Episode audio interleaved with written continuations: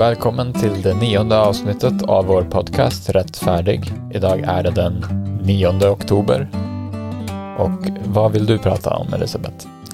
Idag så skulle jag faktiskt vilja prata om hur det känns att förlora sin tro. För att det är väldigt känslomässigt omtumlande, tyckte jag i alla fall att det var. Så jag tänkte, eh, det blir som en parallell till vårt första avsnitt. Där var det ju själva lite mer den intellektuella resan, hur det kom sig att vi förlorade tron. Och det här tänkte jag skulle vara den resan fast istället ur perspektivet av hur det kändes. Så jag ska försöka tänka tillbaka och så gott jag minns försöka sätta ord på hur det känns.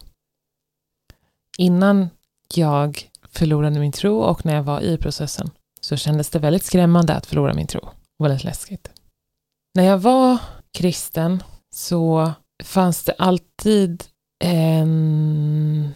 Det fanns alltid lite av en rädsla för att förlora tron. Jag kunde inte riktigt se på sig ateist versus kristen debatter på Youtube som det har funnits i många, många år. Speciellt med de här äh, kända namnen som Harris, Richard Dawkins och alla de där. Och varje gång de liksom dök upp av någon anledning eller jag liksom började se på någon sån så fick jag nästan som en fysisk reaktion. Jag, jag märkte att jag blev helt spänd i kroppen och det bara kändes jobbigt och till slut var jag tvungen att stänga av. Jag var väldigt rädd för att förlora min tro när jag var kristen. Det avtog lite, alltså när det närmade sig att jag började dekonvertera så avtog den rädslan lite. I och med att jag började lyssna på ateist-youtubers och också ex-kristna på internet. Och de berättade om att hur deras liv är nu och sånt, speciellt ex-kristna då. Och jag insåg att livet tar inte nödvändigtvis slut när man förlorar tron. Men hela tiden innan dess så var jag väldigt rädd för att förlora tron och det var som en fysisk reaktion till och med i när det var som mest vid ytan, eller som, som mest extremt. Vad var du rädd för? Jag vet inte. I och med att kyrkan som jag växte upp i inte är särskilt mycket, vad jag kommer ihåg i alla fall, prata om helvetet och sånt och plågorna i helvetet och sånt. Jag är faktiskt lite osäker ens på vad pastorerna står i den frågan. Så det var inte, i alla fall inte medvetet att jag tänkte på helvetet och så här att jag kommer torteras där för evigt. Jag tror det var mycket rädslan av att förlora det som jag hade. Förlora min relation med Jesus som jag tänkte att jag hade och också liksom alla mina vänner var i kyrkan, mitt sammanhang, min community.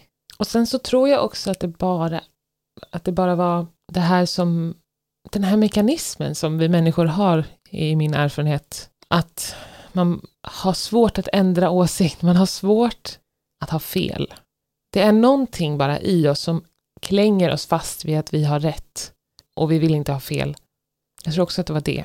Ehm, jag var rädd för att ha fel och allt som skulle komma med det. Liksom, det skulle vara jättepinsamt ifall jag skulle komma till mina kompisar i skolan säg, och bara, eh, nej, jag är inte kristen längre, jag hade fel förut när jag berättade om allt jag trodde. Och sen så var det nog säkert också påverkat, tror jag, av eh, den här bilden som jag i alla fall har fått eh, under min uppväxt om att icke-kristna är olyckliga och det saknas något i deras liv. Kort sammanfattat kan man brukar jag uttrycka det som att vi har alla ett Jesusformat hål i vårt hjärta. Är läran som jag tycker att man får i många eh, frikyrkliga kretsar. Så det var jag nog också rädd för. Kommer liksom mitt liv bli meningslöst? Kommer jag bli olycklig? Allt kommer bara kännas mörkt och tomt om jag förlorar min tro. Du då? Känner du igen det här med att vara rädd att förlora tron och att inte kunna se på ateist-kristen debatter till exempel på YouTube eller så? Eller vad, hur var din upplevelse? vad det gäller debatterna så såg jag ju på dem, men jag började i änden av att jag hittade en apologet som är bra, framförallt William Lane Craig som vi har pratat om förut, och kollade på hans debatter då med ateister. Och eh, han klarade sig väldigt bra mot dem, så det var liksom safe. Jag har aldrig egentligen letat upp andra debatter utöver det, varken då eller nu när jag inte är kristen längre. Kanske skulle vara intressant egentligen och se på eh, debatten mellan kristna och ateister? Ja, ja. nu. Ja, jag Men, har gjort det mycket nu. Ja. Väldigt intressant. Men eh, jag, har insett nu i efterhand att den kristna tron var som en knut. Att för mig så handlar det ju främst då om att jag vill fortsätta tro för att jag inte vill förlora min frälsning. Det att jag tror att min frälsning hänger på att jag tror uppmuntrar mig till att fortsätta tro. Tron har en mekanism som uppmuntrar en till att fortsätta tro trots att man tvivlar. Men ju mer jag tvivlade, desto mer började jag såklart tvivla på den idén. Så det gick till slut att få upp knuten. Så kände du att rädsla för att förlora tron? Så att du, alltså så här tydligt på ytan att du kände rädsla? Liksom. Svårt att säga eftersom det gick så gradvis. Ja, för mig gick det också gradvis i att, som jag var inne på, den här rädslan. Jag hade nog inte kunnat dekonvertera när jag var inne i den rädda perioden av min tro. För att då bara stängde jag för allt som var, som kunde liksom peta hål på min världsbild och min tro. Jag fick ju, eftersom att jag inte gick i en kristen skola, så fick jag ju, eh, det var folk som ifrågasatte min tro och så. Men jag slutade aldrig att tro, uppenbarligen då. Eh, det var inte så att det tvivlade, jag liksom tvivlade ordentligt, att det skakade verkligen min världsbild. Eh, och det tror jag var för att jag var i en annan mindset. Jag hörde vad de sa och liksom kunde på något sätt förstå att det här kunde vara ett dilemma, men jag stängde ändå. Liksom jag lät det inte sjunka in ordentligt, det, här, det dilemmat som de presenterar. Och jag skulle säga att den kristna atmosfären som vi kommer ifrån, det som de säger, det som de lär ut, attityderna man får bidrar till rädslan för att förlora sin tro ganska mycket. Det här så att folk stänger sig och inte lyssnar på något. Dels så är det såklart eh, rädslan för efterlivet, att man hamnar i, på det dåliga stället, så att säga, om man förlorar sin frälsning, som du var inne på. Det är en stor faktor, tror jag, till att folk stänger och inte lyssnar på någon annan åsikt. Men sen så tror jag också att det är det här om att man alla har ett Jesusformat hål i sitt hjärta och att du kommer bli olycklig och ditt liv kommer att bli meningslöst. Ja, du har inte Gud längre på din sida heller om du slutar tro, så att liksom, då, är du, då är det fritt fram för djävulen att attackera dig. Det tror jag också är något som bidrar till rädsla för att förlora tron, vilket då bidrar till att folk inte är öppna för att kunna ifrågasätta sin världsbild och eventuellt ändra den om man kommer fram till att det är någonting som är fel. Det kanske hänger också lite ihop med identitet. Som kristen så identifierar man sig väldigt starkt med liksom, att man är Guds barn eller att man har ett uppdrag från Gud. Så att ifrågasätta sin tro är att ifrågasätta vem man är själv. Ja, det är så otroligt mycket man måste ändra ifall man ifall ens tro rasar samman. Man måste ändra sin världsbild. Man måste också ändra sin egen identitet. Man måste fråga sig, vem är jag? När den här stora identitetsbiten av mig har försvunnit. Ja, vad gör jag nu Mm. av min tid? För Verkligen. mig var inte det ett jättestort problem. För att jag ville göra andra saker egentligen hellre än att gå till kyrkan. Mm. Ja, så nu när vi har varit inne i hur det var innan så skulle jag vilja komma in på hur det kändes under själva dekonverteringen och hur det känns nu. Så gradvis så avtog den här rädslan i och med att jag började lyssna på folk som var exkristna och ateister och insåg att de har inte fruktansvärda liv. Det kanske kan bli bra. Och jag tror att det var en process som tog tid. Jag också hade icke-kristna personer att prata med diskutera med. Återigen, såg att man kan leva ett bra liv och också eh, att man kan leva moraliskt. Liksom, det finns, man, man blir inte en dålig person, moraliskt dålig person, om man slutar vara kristen. Det var också viktigt för mig att se. Och jag tror att i och med det, så det som jag gjorde, som jag tror är hela eh, nyckeln, eller vad man ska säga, anledningen till att jag kunde dekonvertera, var för att jag vågade för en stund, som jag tänkte mig då, släppa taget om min tro. I mitt huvud så ser jag framför mig, jag visualiserar det här som att jag stod och jag, det är en stolpe eller någonting där, en lyktstolpe eller någonting sånt där, som är min tro, som jag desperat står och klamrar mig fast vid och absolut inte vill släppa taget om. Men när, jag, när rädslan hade börjat avta lite från att vad som händer om jag förlorar min tro, så vågade jag liksom släppa upp fingrarna lite från stolpen och till slut kom jag till en punkt där jag insåg att det enda sättet som jag kommer kunna göra en objektiv bedömning om min tro, ifall den är sann eller inte, vilket är det som jag ultimat egentligen vill veta. För att jag ska kunna göra en objektiv bedömning så måste jag släppa taget helt om den här stolpen, ta ett kliv tillbaka och försöka göra en bedömning. Min tanke var ju bara att jag skulle släppa taget om min tro för, för en stund. Det var så jag tänkte då. Jag släpper taget en stund och så får jag se. Men jag trodde att jag skulle komma tillbaka, vilket också gjorde, tror jag, så att jag vågade. För jag tänkte att det bara var tillfälligt. Och jag tror att det är det. Nu, kan inte jag, nu vet jag inte jag med någon annans. Jag har ingen data på hur vanligt det här är för folk som har dekonverterat. Men om jag skulle gissa så skulle jag säga att det är en version av det här som gör så att man kan dekonvertera. Det som är skillnaden på kristna som har, lite, som har lite tvivel om saker men som fortsätter att vara kristna för att de håller kvar vid sin tro, de håller kvar vid den här eh, stolpen och då går det att, det går alltid att hitta något sätt att förklara för sig själv frågor. Om inte annat så kan man alltid falla tillbaka på Guds vilja är ett mysterium för oss och vi kan inte förstå den. Men de som till slut dekonverterar vågar. Någonstans så bestämmer de sig för att okej, okay, jag måste släppa taget om min tro en stund i alla fall.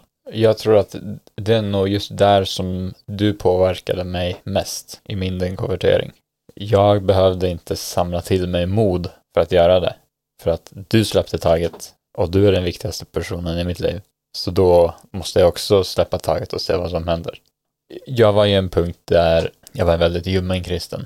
Men det hände inte heller något större problem med att fortsätta vara kristen nödvändigtvis liksom inombords, även om jag var väldigt trött på att leva ut det kristna livet så att säga.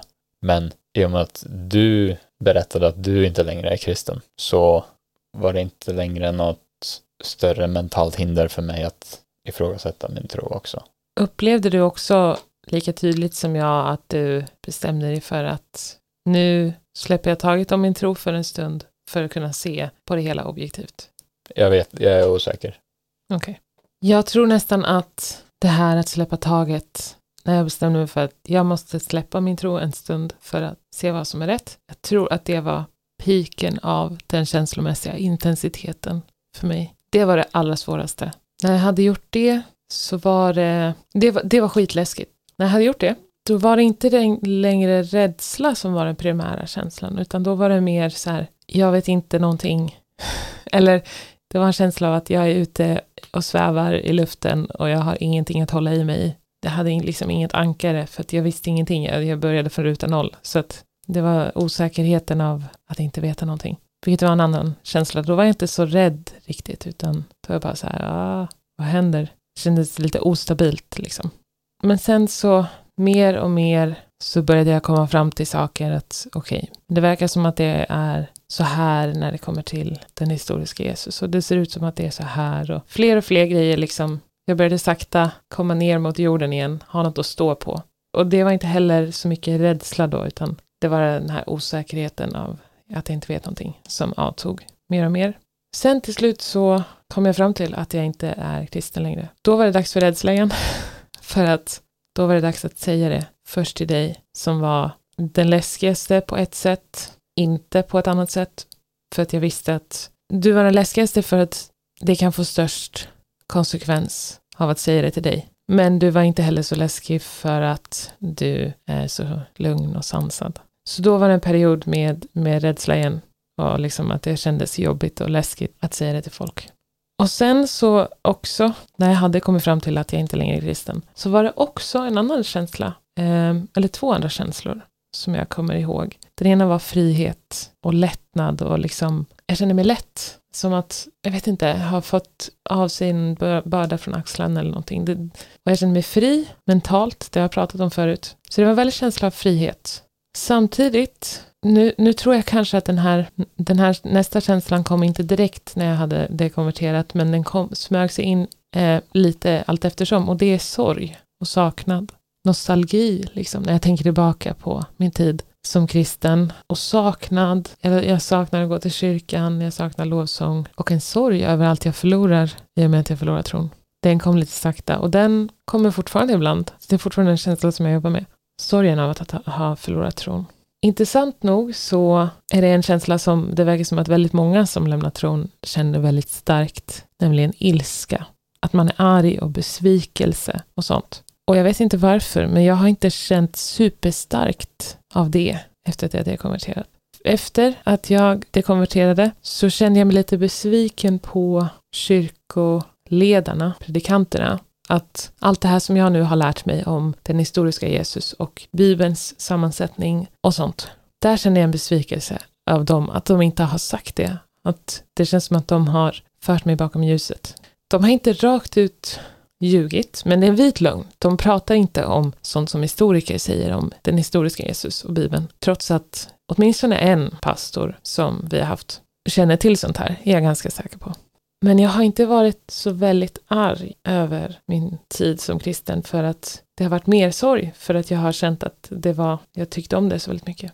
Är det någon av de här känslorna som du känner igen? Jag tänkte mest på att det här med att berätta för sin partner att man har tappat tron, om man båda är troende, att det i sig kan ju vara ett hinder för att våga ifrågasätta sin tro. Så det var väldigt starkt av dig att ändå göra det. Tack. Jag slapp ju det. Så jag tror att det har gjort det väl väldigt mycket enklare för mig. Det är nästan då om du, när du ifrågasätter din tro så blir det nästan enklare för mig att göra det än att inte göra det. Mm. Det är sant. Jag tror att faktumet att du är så sansad, rimlig, vettig människa gjorde så att jag vågade ifrågasätta. Att du inte var väldigt extrem i din tro gjorde så att jag vågade ifrågasätta. För att Ja, nej, speciellt inte då. Då var jag inte så brinnande kristen som man brukar säga. Mellanmjölkskristen.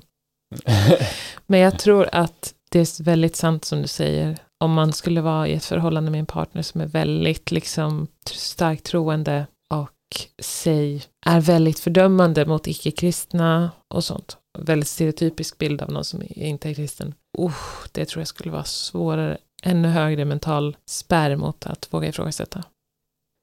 Ja, men nu, idag, nu har det ju gått ett och ett halvt år ungefär sedan jag kom ut till dig, tror jag. Något sånt. Så hur känns det idag då? Liksom nu när vi är lite på andra sidan.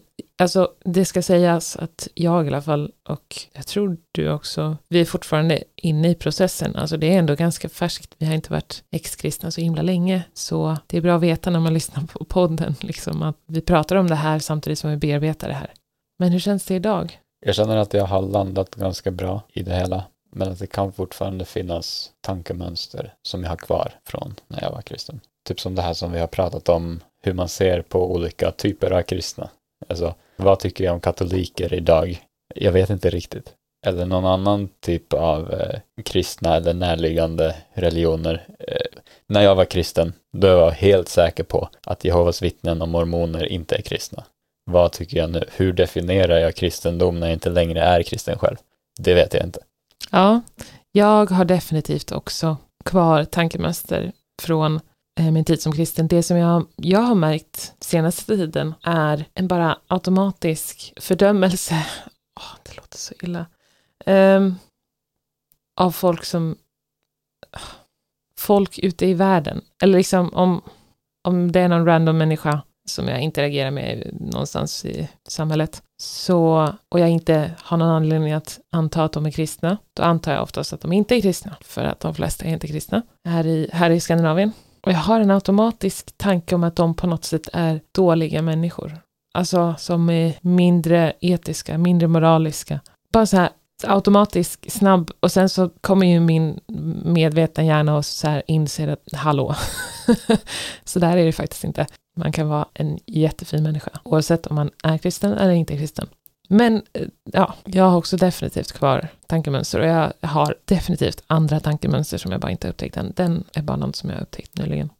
Men annars så nu så här ett och ett halvt år efter så mår jag bra och eh, det är så skönt måste jag säga att inte ha den här rädslan som jag hade när jag var kristen. Att jag kan, nu kan jag kolla på kristen ateistdebatter hur enkelt som helst det är bara en debatt, det var en YouTube-video, jag kan bara kolla på den. Det låter inte så stort för eh, kanske så många, men det är stort för mig, utan att få den här eh, att jag spänner mig. Men när vi var kristna, vi pratade någon gång om att ateister säger att alla vet ju egentligen att Gud inte finns. ja, precis, de bara låtsas. Precis, så det du var rädd för debatter om det här, Betyder det att de hade rätt då? Nej, jag låtsades inte. Jag trodde verkligen på det. Men jag måste säga att det kanske är en efterkonstruktion. Men jag känner att när jag var kristen så var jag också rädd för att jag någonstans innerst inne kände att det här är ett korthus. Eller liksom, jag visste att det kan raseras. Det är inte en solid foundation så som, säg, fysik eller matematik eller något så här vetenskapligt. Som jag är så här, där, okej, okay, där är jag hundra på att 2 plus 2 är 4. Mm. Jag tror att det fanns innerst inne, men jag hade aldrig plockat upp det till ytan. Att, Lite kognitiv dissonans. Ja, ja, ja, det är väl det det är. Jag hade en känsla av att jag väldigt lätt skulle kunna hamna som ateist, eller liksom sluta tro. Det kändes som att jag var tvungen att verkligen så här kämpa för att inte falla in i att inte tro på det här. Ja, men har inte Bibeln också någon, eller Bibeln har väl nå- någonting att säga om det där att, att vara på sin vakt på något sätt. Ja, det är faktiskt ett bibelord. Nämligen Filipperbrevet 2, vers 12. Därför, mina älskade, ni som alltid varit lydiga, inte bara när jag var hos er, utan ännu mer nu när jag inte är hos er. Arbeta med fruktan och bävan på er frälsning. För det är Gud som verkar i er, både vilja och gärning för att hans goda vilja ska ske. Och så finns det också första Petrusbrevet eh, 3 och 15. Herren Kristus ska ni hålla helig i era hjärtan. Var ständigt beredda att svara var och en som ber er att förklara det hopp ni har. Så den, den tanken om att tron är något som behöver försvaras finns i Bibeln. Det är lite som att Bibeln också har lite kognitiv dissonans ibland. du vet att det här är inte självklart, liksom. Du behöver försöka övertyga folk om att det här är sant. Ja. Mm. Alltså, det var ju det som vi båda kom fram till, att det var ett korthus. Men eh, låt oss avsluta för den här gången med att säga att vi, eller jag, kan, ska tala för mig. Men eh, jag, mår, jag mår bra nu. Det som jag har mest är just nu sorg och saknad och nostalgi till kyrkan. Men annars, oftast så mår jag bra. Och när jag saknar kyrkan jättemycket, då går jag till kyrkan. Jag har bara gjort det en gång, men jag kommer nog göra det snart igen tror jag. Du då? Jag känner mig ganska chill. Du känner dig alltid chill. Du är verkligen inte en känslomänniska. Nej. Du saknar inte heller kyrkan lika mycket som jag gör. Nej. Det är okej. Är du arg? Har du en angry atheist face nu? Nej, jag lägger inte så mycket energi på att tänka på de här sakerna så mycket egentligen. Ja, vi kommer ut helskinnade på andra sidan, helt enkelt. Och att man behöver inte vara så rädd när man är kristen egentligen. Det När man är bra. kristen. Ja, man behöver inte vara så rädd som jag var. Det blir bra. Japp, okej. Jag tror att eh, vi avslutar där för idag. Ja. Tack för att ni har lyssnat. Vi hörs i nästa avsnitt. Yes. Hej då! Hej då.